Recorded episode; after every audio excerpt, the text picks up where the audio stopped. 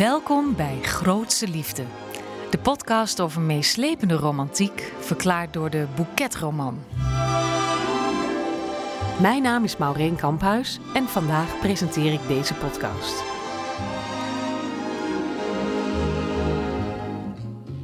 Dit keer lezen we Magie in de sneeuw van Carol Mortimer. Ja, waar gaat het over? Het gaat over de beeldschone 27-jarige Margaret, ofwel Mac, een arme binnenhuisarchitecte die met haar zoontje Scott op weg is van Londen naar haar ouderlijk huis in Winston. Onderweg worden ze overvallen door een sneeuwstorm, met als gevolg dat Mac tegen een snowcabin aanrijdt. Al gauw blijkt dat de inwoner van de sneeuwhut, een, een beer van een man, een superknappe kerel is, genaamd Jared Cole. Jared nodigt Meg en haar zoontje uit om bij hem in de sneeuwhut te komen overnachten. En wat Meg niet doorheeft, is dat Jared een superberoemde auteur is. Hij heeft namelijk net het boek The Puzzle geschreven, een wereldwijde bestseller. En Jared is voor twee maanden naar Engeland gekomen om even bij te komen van alle uh, commotie rondom zijn boek en van alle vrouwen die hem achterna zitten. Jared is niet heel aardig in het begin. Hij is zelfs een beetje grumpy. En dat zorgt voor een zekere spanning tussen hen. Maar na een klein beetje praten, na een wijntje bij het haardvuur, slaat die spanning om in een zekere passie. Het duurt ook niet lang voordat ze zoenen. Scott vindt het allemaal maar spannend wat zijn moeder doet en herinnert haar eraan dat ze toch op weg zijn naar oma en opa. De auto blijkt echter kapot, dus Jared biedt aan om mee te gaan.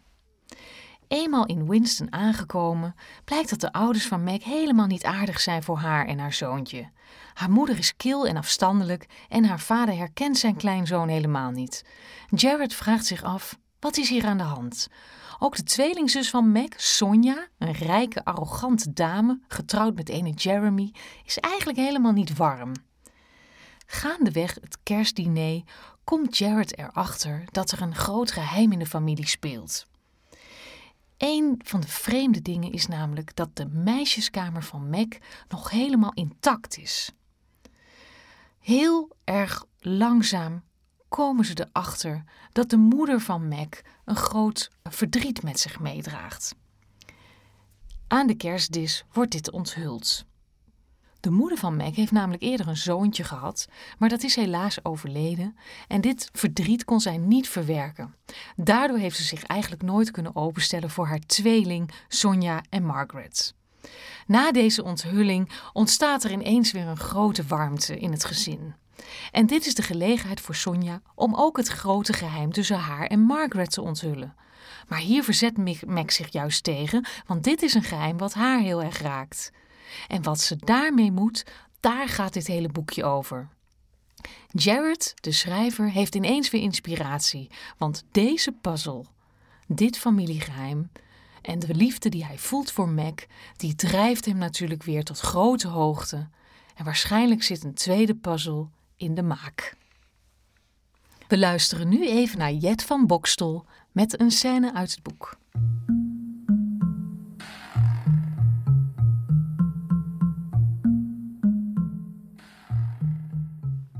Ze kneep haar ogen tot spleetjes.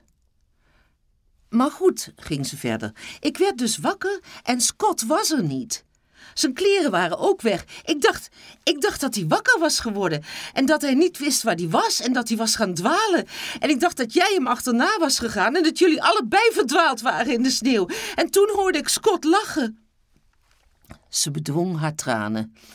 Ik keek uit het raam. En toen ik jullie vrolijk een sneeuwpop zag maken, toen werd ik pas boos. En vervolgens stormde je naar buiten om me te verscheuren. Oh, je wordt toch niet weer hysterisch, hè? Hij keek haar oplettend aan. Ze kwebbelde er genoeg voor. De laatste vijf minuten had ze meer gezegd dan in de hele tijd dat hij haar kende. Want je weet wat ik ga doen als je weer hysterisch wordt. Aan de hoogrode kleur op haar wangen zag hij dat ze het inderdaad wist. Natuurlijk word ik niet hysterisch. Nee, zo zeker hoefde ze toch niet te klinken. Dat was vast niet goed voor zijn ego. Hij was het niet gewend dat vrouwen hem zo overduidelijk lieten weten dat ze niet door hem gekust wilden worden. Hm, wie was er nu onredelijk? Hij wilde geen relatie, dat had hij tegen zichzelf gezegd. En nu had hij de pest in dat de vrouw die hij op afstand wilde houden, hem ook op afstand wilde houden. Nee, zei ze geagiteerd, ik ben die hysterie al voorbij. Oh ja? vroeg hij ijzig. Ja, ze knikte.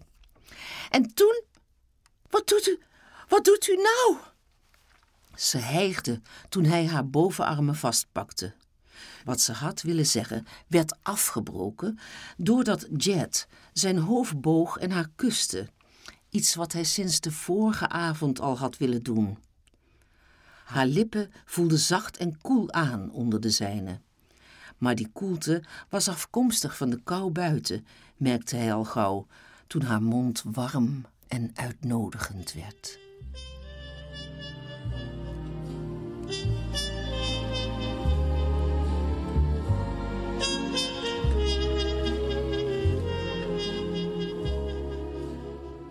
Jongen, Jet, ongelooflijk hè? Dat je dan zo, eh, nou ja, je bent op weg naar je ouders, je zit in een oude tweedehands auto met je zoontje en dan baf, zo tegen een sneeuwhut aan. Ja, ja, een besneeuwde hut. Dat is toch, en dan met een hele knappe man. Ja, dan, dat is toch de droom van iedereen, natuurlijk. Van Ja. iedere vrouw. Nou, zeker, want die knappe heb- man is ook nog beroemd en rijk en hij Ja. kan een vliegtuig besturen. Nee, ik, ik moet het je eerlijk toegeven. Ik heb eh, namelijk zelf een winter of drie geleden ook een hummer aangeschaft. Toen zijn we wat steviger. En dan, ja, in de winter in de sneeuw, dan gaat het toch een beetje kriebelen. Ja. Dan denk je, nou, ik wil wel een beetje warmte rond de Ja. kerst. En, en Ja. een knapperend haardvuur met een leuke man en dit en dat. Ja. Dus dan ga ik er met de hummer op uit. En ehm, dan bots ik hier en daar tegen besneeuwde hutten aan. En dat loopt soms heel leuk af. Ja, Soms ook minder. Ja. ja en soms loopt het helemaal niet af, zal ik maar zeggen. Dan, valt ja. het niemand op. nee, nee, ik heb een keer bijvoorbeeld in Barneveld, dat was een, een kippenschuur. Ik dacht dat het een besneeuwde hut was. Ja, komt er alleen maar een kip uit. Ja, dat, dat schiet natuurlijk niet op. Snap ik. En- Maar ik zorg dan wel altijd, bijvoorbeeld deze Mac in het verhaal, heeft een oude tweedehands auto en daar gaat ze mee botsen. Ja, wat krijg je? Auto kapot, kan niet verder. Klopt. Ik zorg dat ik goede wagen heb. Hè? Alles is eh tip-top.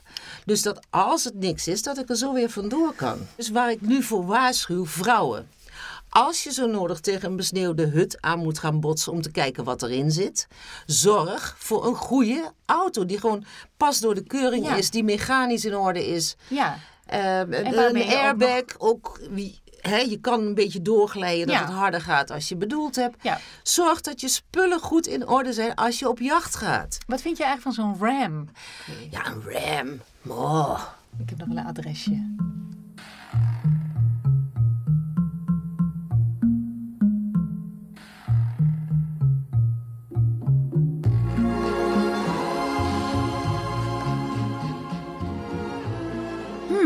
Ja, ja. Dus zo los je die eenzame kerst op. Je botst tegen iets aan, bijvoorbeeld tegen een sneeuwhut of een kerstboomverkoper op een kerstmarkt of een willekeurige vreemdeling. En dan word je niet kwaad, maar dan ga je juist kijken wat er voor moois uitkomt. Dus je moet niet bang zijn om ergens tegenaan te botsen, want voor je het weet sta je tegenover een bestseller-auteur of iemand die superleuk is of een bekende Nederlander. Dat kan dus allemaal gebeuren.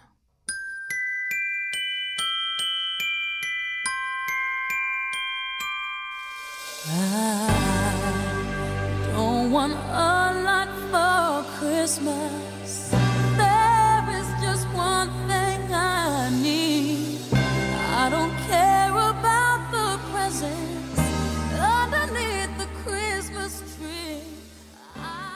Spreek met Tim Klaassen, filmregisseur en muzikant.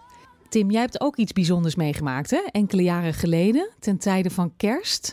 Ik kwam terug van een wintersportvakantie. Het was de eerste wintersportvakantie in mijn leven.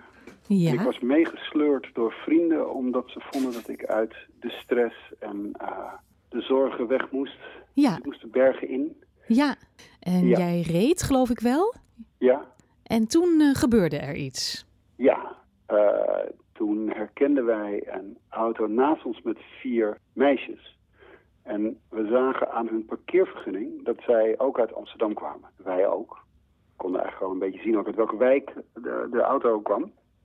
Dus dat, dat werd, daar ontstond communicatie tussen die twee auto's. Terwijl we gaandeweg steeds trager eigenlijk elkaar voortdurend weer passeerden. Omdat die file begon in te dikken. Ja, Achterin, links achter in die auto, zat een meisje mismoedig uit het zijportier te kijken. mhm, En onze blikken troffen elkaar en Ach. bleven hangen. ja. Er zat een hele auto tussen. Dus ik moest mijn best doen om te zien wie dat toch telkens was. En je vond het een, Eh, eh, een aantrekkelijk meisje. Zeker, een hele mooie vrouw. Ja. Ze had iets droevigs over zich, weet ik nog. Oh. Dat viel me op. Ze- De rest was wel uitgelaten. En ik was natuurlijk in een beetje aandachtige stemming van een week rust en stilte. Mhm. En wij keken, denk ik, als ik het zo mag zeggen, eh, eigenlijk echt naar elkaar. In plaats van dat het een soort vrolijk geklier was. Ja, er was echt contact tussen jullie. Ja, En toen op een gegeven moment kwamen jullie stil te staan, hè? Want dat is wel het moment dat dat ongeluk gebeurde waarschijnlijk. Of daar kwam een, en een enorm ongeluk. Want er kwam een traumahelikopter over de vierde vliegen. En die landde in het zicht, niet ver voor ons. Dus ik begreep dat, dat, dit, dat dit wel even ging duren. Met zo'n on- ongeval voor ons. En om mij heen stopten mensen de motoren en stapten uit. En toen dacht ik, dat is, eh, dat is een, een teken. ja, Dit is een geschenk. ja, Hier moet je wat mee, dacht ik. Ja, dus ik, ik heb ook echt eh, niet te lang nagedacht of de, file, of, hè, of de file wel echt zou stoppen. Maar ik dacht, wat mij betreft, stopt de file dus nu. Ja. En ik heb de auto gestopt. Ik ben uitgestapt. Door de file. Terug gaan lopen. Op zoek naar haar auto. over die snelweg. Ja. En dat was midden in Duitsland of zo, hè? Ja, het was ergens in Zuid-Duitsland. Eh, voorbij, je komt Oostenrijk uit en dan Duitsland in. Ergens daar. En jij liep terug over die snelweg op zoek naar die auto van dat meisje. Ja. En keken mensen naar jou of lette ja, jij dat daar niet op? ik wel eigenlijk. En je vrienden, wat deden die? Ehm, ik vermoed dat zij rond die tijd wel door hadden dat er iets gaande was, denk ik. Want het, liep, het was natuurlijk al een tijdje bezig. Ja, en heb je haar gevonden? Nou, dat is, dat is zo mooi eraan, want ik kwam haar dus tegen eh, al voordat ik haar auto bereikte, omdat zij eh, hetzelfde deed en Nee. op zoek was gegaan naar mij. Zij is ook uitgestapt. Ja. En toen jullie elkaar zagen, wat gebeurde er toen? ja, dat was heel bijzonder, omdat zij, ik had mijn auto verlaten en zij ook. En zover dat het geen toeval meer was. En gingen jullie meteen eh, zoenen? Nou, ik kwam aanlopen en ik, er was een moment dat ik dacht, eh, eh, dat zou natuurlijk nu het beste scenario zijn, eigenlijk. Hè? Dat zou de mooiste scène zijn. Ja, Maar dat durfde ik niet. want je dacht, het, te, het gaat te snel. Ja, er stonden een paar duizend mensen om ons heen, denk ik. Stil, een paar, ja, een paar honderd op zo'n stukje. Ja, en wat hebben jullie toen wel gedaan? Hallo gezegd en eh, namen uitgewisseld. Eh, en we hadden maar heel kort, maar eh, secondes. Want toen werden om ons heen de motoren in de file gestart. De auto's startten. Oeh, ja. Toen moest Ja. je terug. Ja. Dus we hadden maar heel kort samen. En toen? Toen heeft zij mij haar mobiele telefoonnummer toegeroepen. En ik heb geprobeerd dat te onthouden. Eerst vroeg ik me af of ik het goed verstaan had. En vervolgens heb ik het geprobeerd te onthouden terwijl ik terugholde naar onze auto en achter het stuur ging zitten. En vervolgens eigenlijk nog steeds de chauffeur was de aankomende paar uur. Dus ik moest eh, in de auto gesprekken voeren alsof er niets bijzonders was voorgevallen. Maar ondertussen probeerde hij tien cijfers telefoonnummer te onthouden. En dat is ook gelukt? Zat je dat de hele tijd eh, te repeteren in je hoofd? Ja, dat wist ik natuurlijk niet. Dus toen we eindelijk stopten bij zo'n tankstation, heb ik ook gedacht, nou laat ik maar meteen ook een berichtje sturen. Want we zijn nu toch al eh, bijna feitelijk getrouwd. Ja. hey, en eh, uiteindelijk hebben jullie ook cont- contact met elkaar gehad, hè? Toen is het gelukt. Bijzondere dag, ja. En zijn jullie nu eh, getrouwd? Is het gelukt? Nee, we hebben de, de avond daarna afgesproken in een, in een mooi café in Amsterdam. Ja. Um, En dat klikte heel goed. Zij bleek ook nog een keer een bekende tv-presentatrice te zijn, maar van een omroep en een programma wat ik niet veel zag, dus ik had het niet geplaatst. Maar dus het, het werd hoe langer, hoe meer bijzonder. Mhm. Ja. En dat klikte. En, we hebben, en vervolgens hebben we voor de ramen van het restaurant buiten op straat, het was december, in de, hè, de, de, de feestlampjes, verlichting in de straat, Ja. hebben we gezoend. En kregen we applaus uit het restaurant, omdat ze denk ik de hele avond al zagen aankomen waar het naartoe ging. Ach, En blij waren dat de spanning uit de lucht wat was. mooi. Het was echt wel magie in de sneeuw. Of ja, magie in het restaurant. Een regenachtig eh, Amsterdamse... Ja, magie in de regen. Ja. maar eh, Tim, je bent nu wel met iemand anders getrouwd, hè? Het, heeft niet, het is niet gebleven, Nee, dat klopt. maar het was wel een mooie affaire. Het was een prachtige affaire. Ja. Hartstikke bedankt. Wat een mooi verhaal. Wij, eh, wij zitten hier met rode oren te luisteren. We, we kunnen wel raden wat er allemaal nog meer is gebeurd natuurlijk. Dankjewel voor je mooie verhaal. En ja, mijn eerste week RTL Late Night. En dan eh, ontmoet je heel veel interessante mensen. Goh, wie zou dat nou zijn, hè? Eh, Die presentatrice. Ik ben wel nieuwsgierig. eh, misschien Linda de Mol. Nee, Linda de Mol zit niet in een auto met meisjes. Ja, die is ook wel heel Misschien beroemd, hè? eh, Eva Jinek. Eva Jinek. Nee, die, die is zo druk. Ja, dat is Die waar. heeft daar geen tijd Catharine voor. Keil? Catharine, dat zou kunnen, maar ik, ik denk meer aan Chantal Jansen. Oh ja. Alhoewel, die zit altijd te musicalen. Die presenteert helemaal niet. Jawel, die presenteert ook. Die Toch? presenteert Dus die zou het Voice. kunnen zijn. Ja, ja, ja. Of, eh of Olse Gulsen. Die deed eerst kleding, maar die presenteert nu ook. Oh, die is van de kleding overgestapt. Ja, ja. Maar wat denk je van Loretta Schrijver? Eh, nee, volgens mij presenteert hij niet meer. Of wel, maar niet zo vaak eh, Dat Niet- ze... dat ze echt, dat hij kan zeggen, ja, het is iemand die veel presenteert. Ehm, eh, misschien Daphne Bunskoek. Die moet het zijn. Daphne Bunskoek. Ik die denk is het ook. Die is Ik denk het ook. Daphne Bunskoek. Jammer hè, dat het niks geworden is. Heel jammer. Ja, maar gelukkig zij heeft Wessel, hè. Zij heeft al iemand.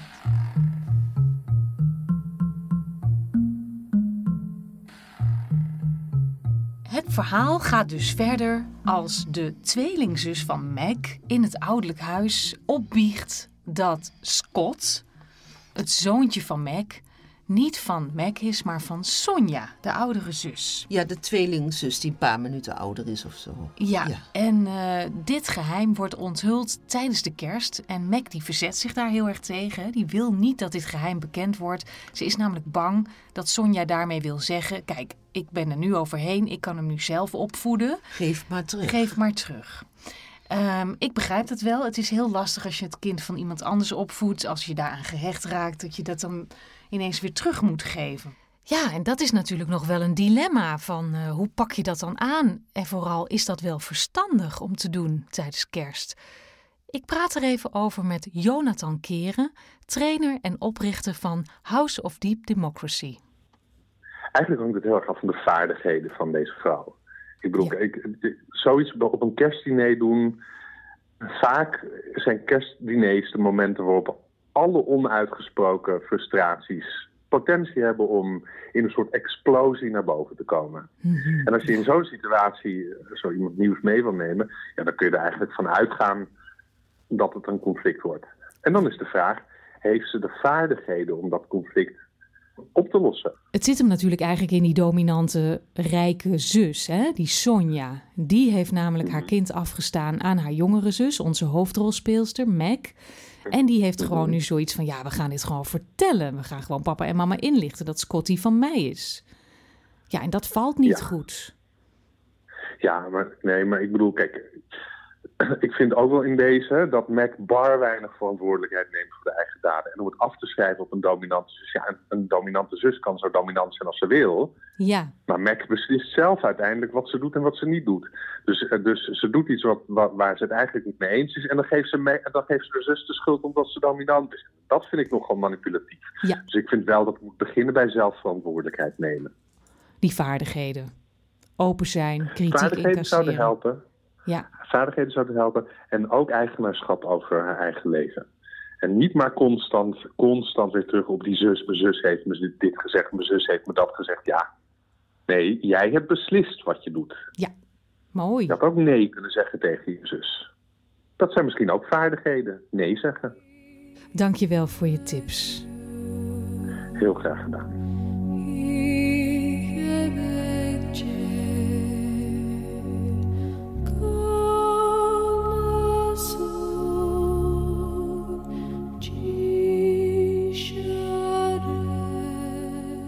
Het weer sloot hen van de wereld af in een kokon van stilte. Hij was nu zo dichtbij dat er buiten hen niets anders leek te bestaan en de ruimte tussen hen leek geladen met een elektriserende spanning. Alsof hij zich daar ook van bewust werd, werden zijn ogen donkerder en hij vestigde zijn blik op haar zachte mond. Onmiddellijk bevochtigde ze haar lippen met het puntje van haar tong. Dat kan ik je echt niet laten doen. En verder kwam ze niet. Gefascineerd keek ze naar hem op, terwijl hij haar even aankeek voordat hij zijn hoofd boog en haar mond met de zijne ving. Het was net alsof er geen tijd verstreken was tussen deze kus en de vorige. Toen hij de kus verdiepte, deed ze haar lippen van elkaar.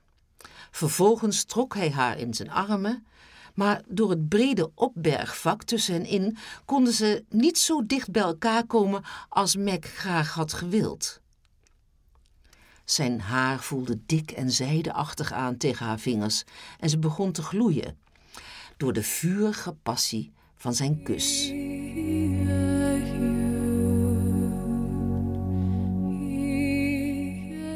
Mooi, hè? Ja, mooi en merkwaardig. Ja, want het is natuurlijk lastig met een opbergvak tussen je in. Ja, maar een opbergvak zou je ook kunnen gebruiken, zien als een opstapje naar, als je dat zou willen. Of een... Oh, dat klopt. Ja, zo inventief eh, zijn ze nog niet, hè? Nee, nee, nee. Ze laten zich gewoon door een opbergvak. En terwijl je opbergvak kan ontzettend handig zijn. Je kan er van alles mee doen. Ik, eh, ik heb wel een voorbeeld. Bijvoorbeeld toen ik klein was. Ja. Ik kom uit een groot gezin, een boerengezin. Eh, zeven kinderen en twee ouders. Jongen. En ehm, wij konden dus nooit op vakantie, want we hadden een boerderij en de dieren moeten gevoederd en gemolken en dit en dat. Ja. Dus we, maar we gingen iedere zomer in de grote vakantie wel een paar keer een dag erop uit. Naar, naar de Efteling of naar het Evoluon of het Eurostrand. Allemaal van die geweldige uitstappen. En dan gingen we met z'n allen in de auto. Ja. En dat was een, een, een DAF. Zo, een DAF. Ja, Met die kinderen, met zeven kinderen in een DAF. Ja, maar dat, dat ging best. Want daar zat dus ehm, midden tussen de stoelen, in midden voor, zat ook zo'n soort obstakel. Daar zat het pintere pookje. Oh ja, ja, Ja. de versnellingsboog. Nou, daar werd juist heel creatief gebruik van gemaakt. Kijk, voorin eh, achter het stuur zat mijn vader.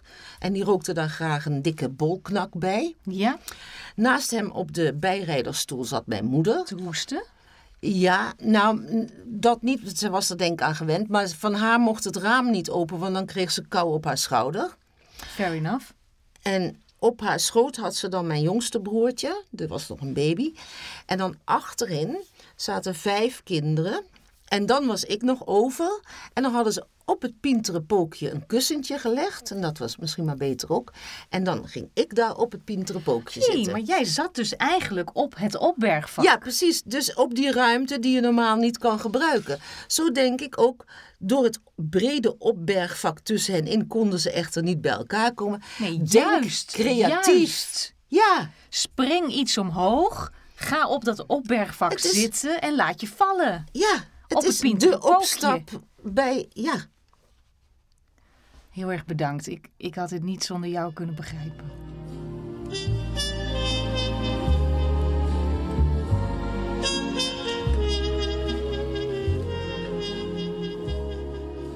Aan de telefoon heb ik Maarten Westerveen. Maarten, wa- wat, wat denk jij? Is eh, liefde mooier en intenser in de sneeuw?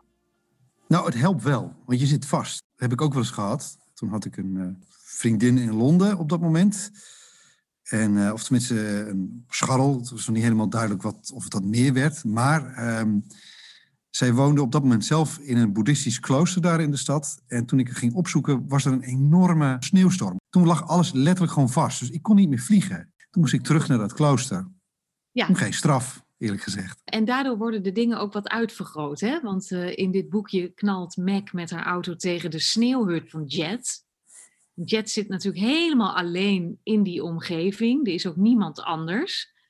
Zou dat ook ermee te maken hebben dat ze eigenlijk meteen, eh, ja, meteen op hem vertrouwt, meteen voor hem gaat, terwijl die eigenlijk helemaal niet aardig is in het begin? Het maakt alles natuurlijk wel hè, sneeuw bedekt, letterlijk. En ik denk dat dat het in dit verhaal ook doet, inderdaad. Toch valt hij voor haar. Hij vindt dat toch heel, heel bijzonder. En dan komt natuurlijk het punt. Ze heeft een groot geheim. En dat geheim dat wil ze helemaal niet kwijt. En dat, haar zus weet ook van dat geheim. Dat is die tweelingzus, die, die superrijke Sonja. Vind jij dat het een goed idee is van Mac om, om het geheim het geheim te laten? Wat ik niet snap is waarom het überhaupt hè, op dat moment verteld moest worden. Er was er geen hele grote noodzaak voor. Dus ik denk dan, dan moet je dat kind ook voorstellen wat voor klap die mee gaat krijgen van dit soort dingen. Ja, Ik, dus ik zou zeggen, nu, nu je hebt er zo lang volgehouden, kan je ook wel door. Ja, Ik denk dat ik het voor me had gehouden, eerlijk gezegd. ja, dus het is een leuk idee, maar het is niet slim. Het is niet slim. Zo zou ik het niet aanpakken, eh, Maureen. Nee, Dus wat we hiervan kunnen leren is: vertel geen geheimen met kerst. Oh nee.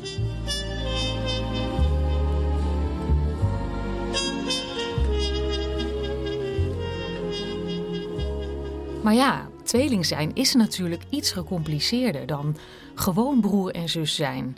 En eh, dat kan nog wel verschil uitmaken.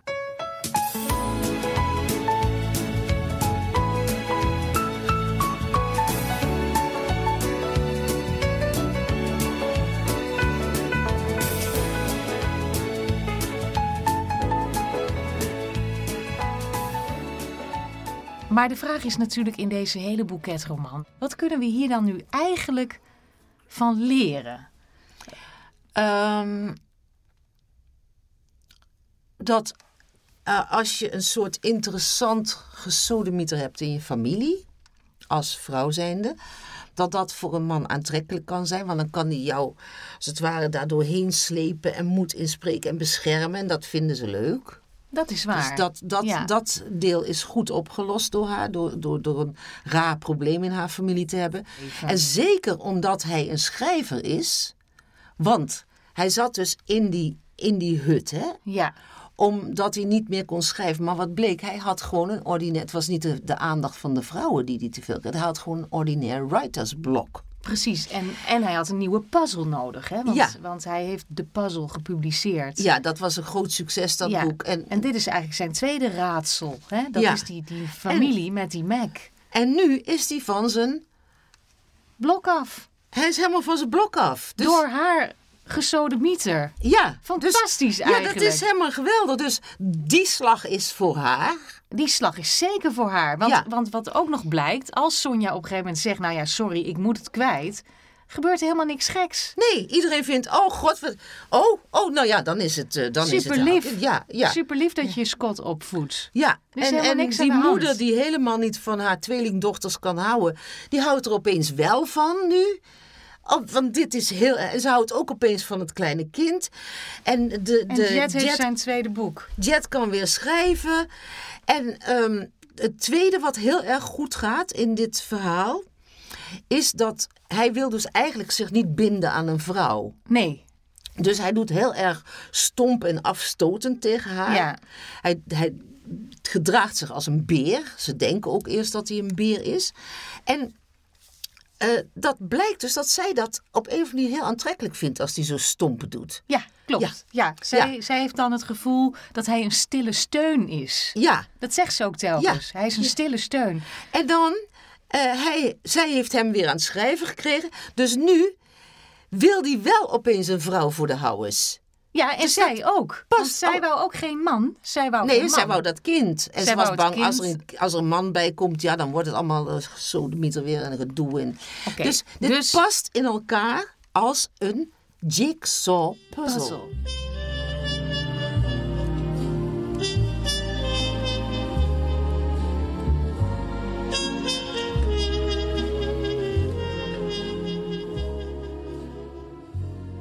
Goh, dat is toch wel een eh, fascinerende conclusie. Als je dus een vrouw bent met een geheim of je hebt moeite met je familieleden, dan kan er tijdens kerst van alles ontstaan. Ook als je een nieuwe geliefde meeneemt. Sterker nog, dat zou wel juist eens de katalysator kunnen zijn die jij en je familie nodig hebben. En als je nou een man bent en je denkt, ja, ik wil ook een nieuwe geliefde ontmoeten en ik zou ook graag een fijne romantische kerst tegemoet gaan, denk er dan eens aan om op een bepaalde locatie te gaan zitten. He, dan verblijf je dan een tijdje gewoon alleen, uh, maar je moet wel zorgen dat er überhaupt iets kan gebeuren. Hè? Dus denk aan een besneeuwde hut die je betrekt net iets te dicht bij de weg of een chaletje. Uh, ga niet meteen naar Engeland misschien, want met die brexit zou het wat lastig kunnen worden. Maar ik denk bijvoorbeeld aan uh, Lapland. Is ook een prachtig sneeuwlandschap. En ook daar zou zomaar een leuke vrouw met een auto tegen jouw chalet kunnen aanbotsen. En wie weet wat er dan ontstaat. Als laatste, dit levert allemaal inspiratie op. Dus als je denkt, oh, daar heb ik echt geen oren naar. Nou, dat zou nog best eens een heleboel kunnen opleveren, zoals een nieuwe boeketroman of wie weet, een wereldwijde bestseller hele fijne feestdagen van podcast Grootse Liefde.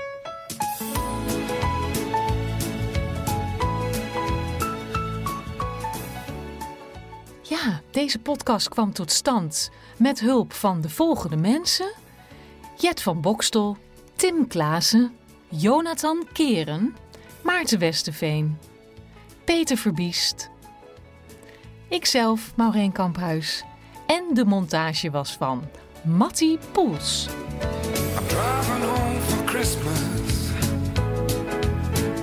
Oh, I can't wait to see those faces. Christmas